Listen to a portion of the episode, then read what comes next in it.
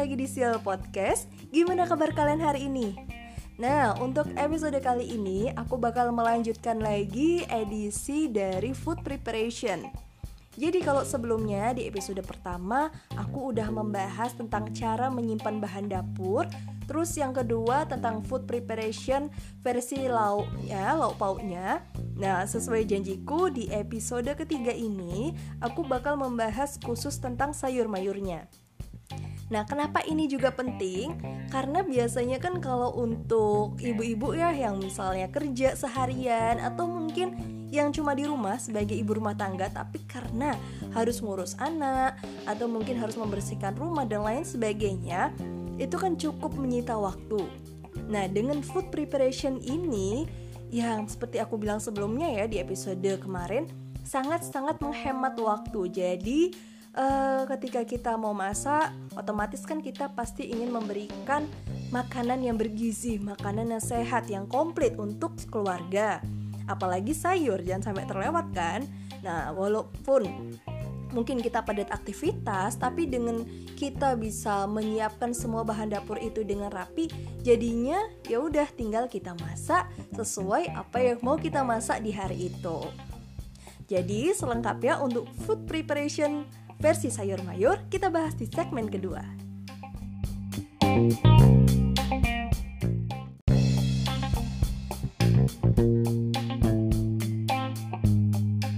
Oke, okay, untuk food preparation sayur mayur, yang pertama harus diperhatikan adalah jenis sayur yang mau kalian beli.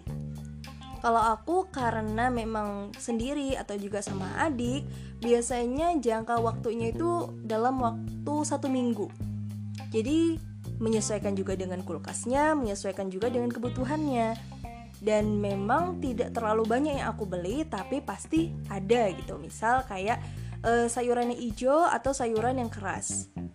If you know kayak sayuran yang keras itu maksudnya terong, kemudian pare atau wortel gitu ya yang kemungkinan ketika dalam jangka waktu yang lama dia itu masih fresh gitu. Jadi bisa aku pakai atau bisa aku masak sewaktu-waktu ketika aku pengen makan itu. Terus kalau jumlahnya biasanya sih aku cuma beli satu tapi yang misalnya yang besar gitu ya. Misalnya aku pengen bikin terong balado atau apa gitu ya udah aku beli yang panjang sekalian tapi memang itu bisa buat sekali makan. Begitupun juga dengan pare. Nah terus food preparation yang kedua itu adalah kita e, menyuci bersih. Dicuci bersih semua sayur mayur yang udah kalian beli. Biasanya kalau aku misalnya aku beli uh, sayur pack yang untuk sop atau untuk sayur asam yang memang udah khusus ya buat itu. Nah itu nggak aku cuci lagi gitu. Maksudnya bukan nggak aku cuci lagi tapi tidak aku bongkar dulu. Dan itu biasanya langsung aku uh, bersihkan plastiknya aja terus aku simpan di dalam kulkas.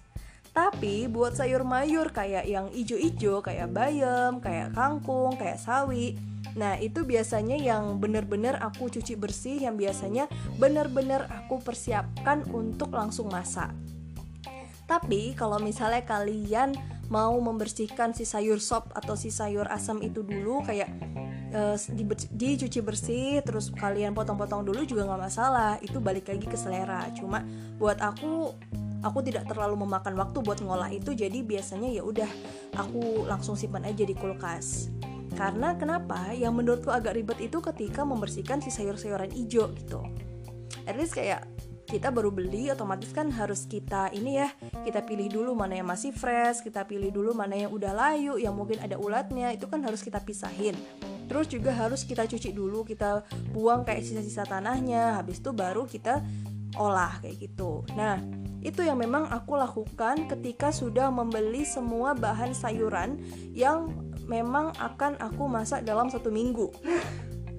Jadi uh, misal nih dalam satu minggu aku beli sayur bayam, sayur kangkung, terus sayur sawi. Nah, ketiganya ini semua bakal aku cuci bersih, semua bakal aku pilah-pilah mana yang memang udah layu, mana yang bisa masih fresh, mana yang ada ulatnya.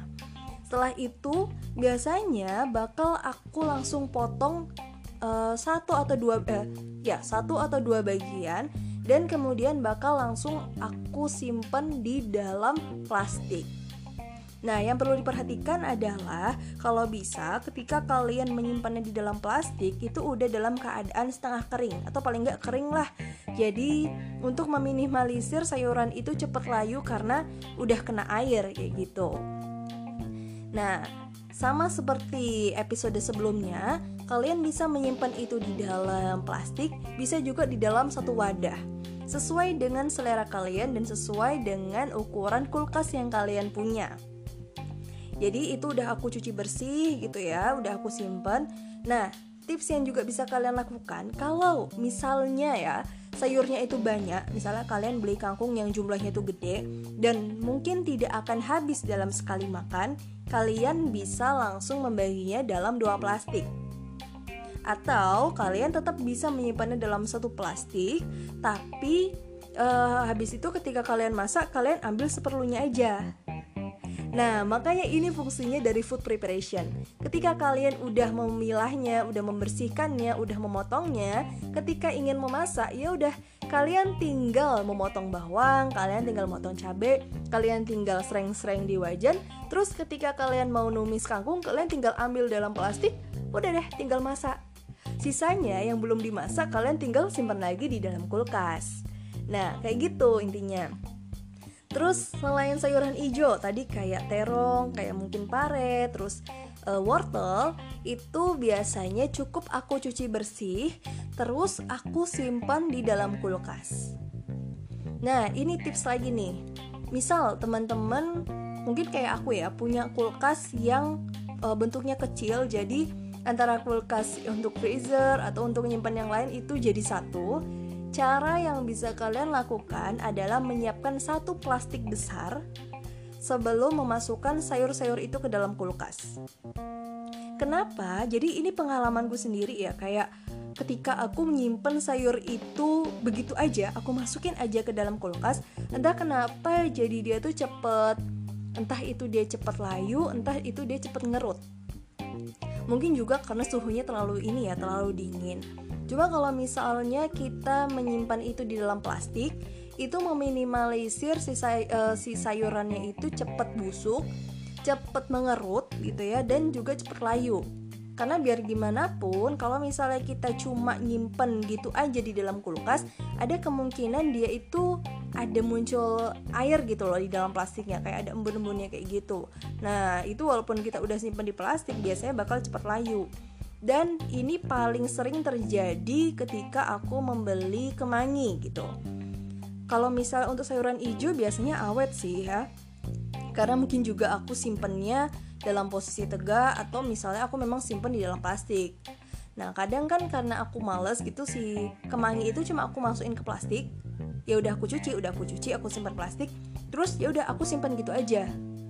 Ternyata setelah beberapa hari kok dia jadi cepet layu gitu ya cepet berair dan jadinya cepet nggak fresh kayak gitu. Eh cepet ya cepet nggak fresh kayak gitu hmm, ternyata itu beda ketika aku menyimpannya di dalam plastik lagi gitu jadi dalam plastik besar dan dia cukup awet untuk beberapa kali makan gitu makanya kalau misalnya kalian punya kulkas yang besar yang memang ada kotak khusus untuk menyimpan sayur-sayuran, ya udah itu cukup membantu kalian untuk menyimpan sayuran gitu. Jadi dia tetap terjaga, tetap fresh dan kalian bisa cepat mengolahnya.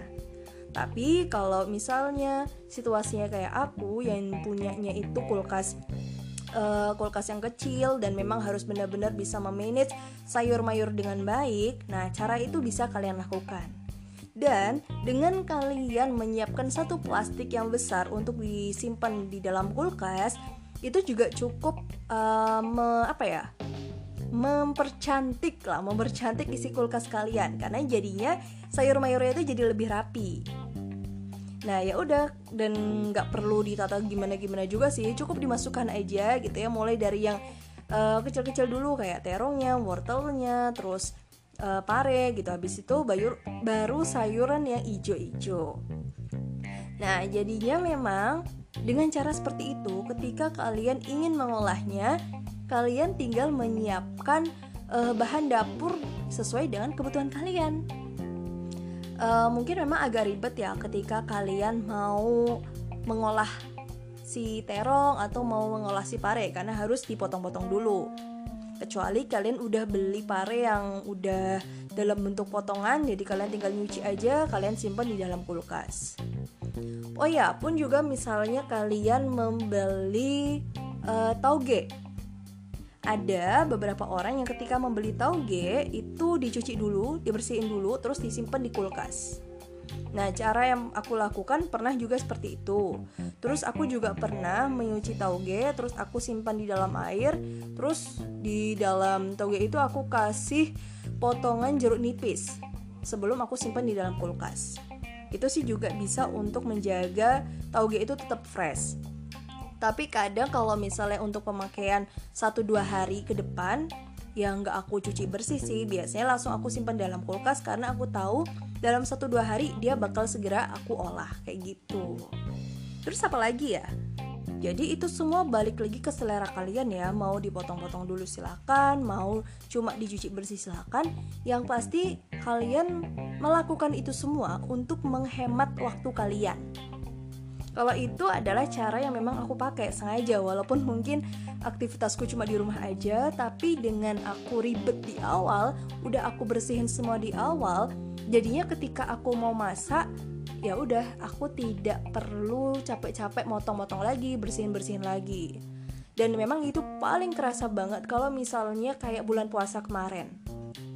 Karena aku tuh tipe orang yang kalau buka sama sahur itu harus ada sayur dan agak males ya kalau misalnya harus metik-metik lagi, harus milih-milih lagi, harus cuci-cuci lagi di saat misalnya udah mau buka puasa atau mungkin pas uh, mau sahur gitu. Jadinya food preparation ini benar-benar sangat berfungsi, sangat berguna untuk aku yang waktu puasa itu ya agak mager gitu. Jadi hmm, bahan masakan itu udah tinggal diolah seperti apa yang kita mau misal nih kayak sahur aku pengen bikin rebusan bayam ya udah aku tinggal ambil bayam sesuai kebutuhanku untuk satu kali makan. Sisanya aku simpan lagi dalam kulkas. Pun misal aku mau makan terong ya udah terong itu tinggal aku uh, kucek lagi sedikit ya di pancuran air terus aku potong sesuai selera terus habis itu aku olah. Ya sesimpel itu sebenarnya kan untuk memasak. Tinggal gimana kitanya aja pengen lakuin itu atau enggak dan balik lagi. Ribetnya di awal tapi kalian bakal ngerasain enaknya itu untuk 1-2 minggu terakhir. Nah karena itu untuk satu minggu jadi memang di minggu selanjutnya ya aku bakal mempersiapkan atau aku bakal membeli bahan-bahan yang lain gitu. Jadi hmm, tipsku yang lain jadi pesan aku buat kalian yang memang lagi belajar untuk mengolah isi dapur, mengolah isi kulkas, coba dengan cara-cara seperti itu. Dan biasanya dengan kita membuat food preparation itu juga bisa menghemat biaya yang kita keluarkan untuk membeli uh, sayur mayur atau lauk pauk untuk kebutuhan 1 sampai 2 minggu ke depan. Kenapa? Karena kadang ketika kita udah apa ya, udah mempersiapkan itu, kita jadi ada insting nih kayak, oh ini bisa nih di mix and match sayurnya. Terus oh bisa nih uh, aku bakal beli yang A sama yang B supaya nanti bisa bikin olahan apa gitu. Kadang-kadang ketika aku membeli sayur sop aku membeli sayur tuh satu jenis sayur sop gitu ya itu bisa aku jadikan untuk dua kali makan gitu. Karena emang dasarnya aku makannya sedikit gitu. Dan kadang itu bisa menjadi olahan yang berbeda dari apa yang seharusnya gitu. Karena itu misalnya sayur sop gitu ya yang ada kolnya, ada uh, wortelnya, ada daun bawangnya gitu atau ada uh, kentangnya. Kadang aku bisa membuat itu untuk jadi bakwan goreng. Atau kadang nanti bisa aku olah jadi capcay. Nah, kalau misalnya mau aku olah jadi bawa, uh, bakwan, kan nggak mungkin tuh aku pakai semua. Jadi biasanya aku cuma pakai setengah porsi aja. Nah, setengah porsi sisanya biasanya bakal aku olah untuk dijadikan capcay. Nanti bisa ditambah dengan bahan-bahan yang lain sesuai dengan selera kita. Nah, kurang lebih kayak gitu ya teman-teman. Semoga food preparation versi sayur mayur ini bisa membantu kalian untuk bisa lebih apa ya? Lebih semangat lagi untuk memasak dan menyiapkan makanan untuk keluarga yang kalian cintai. Jadi sampai jumpa di episode se- selanjutnya, sorry. Jadi sampai jumpa di episode selanjutnya dengan topik-topik menarik lainnya, oke? Okay?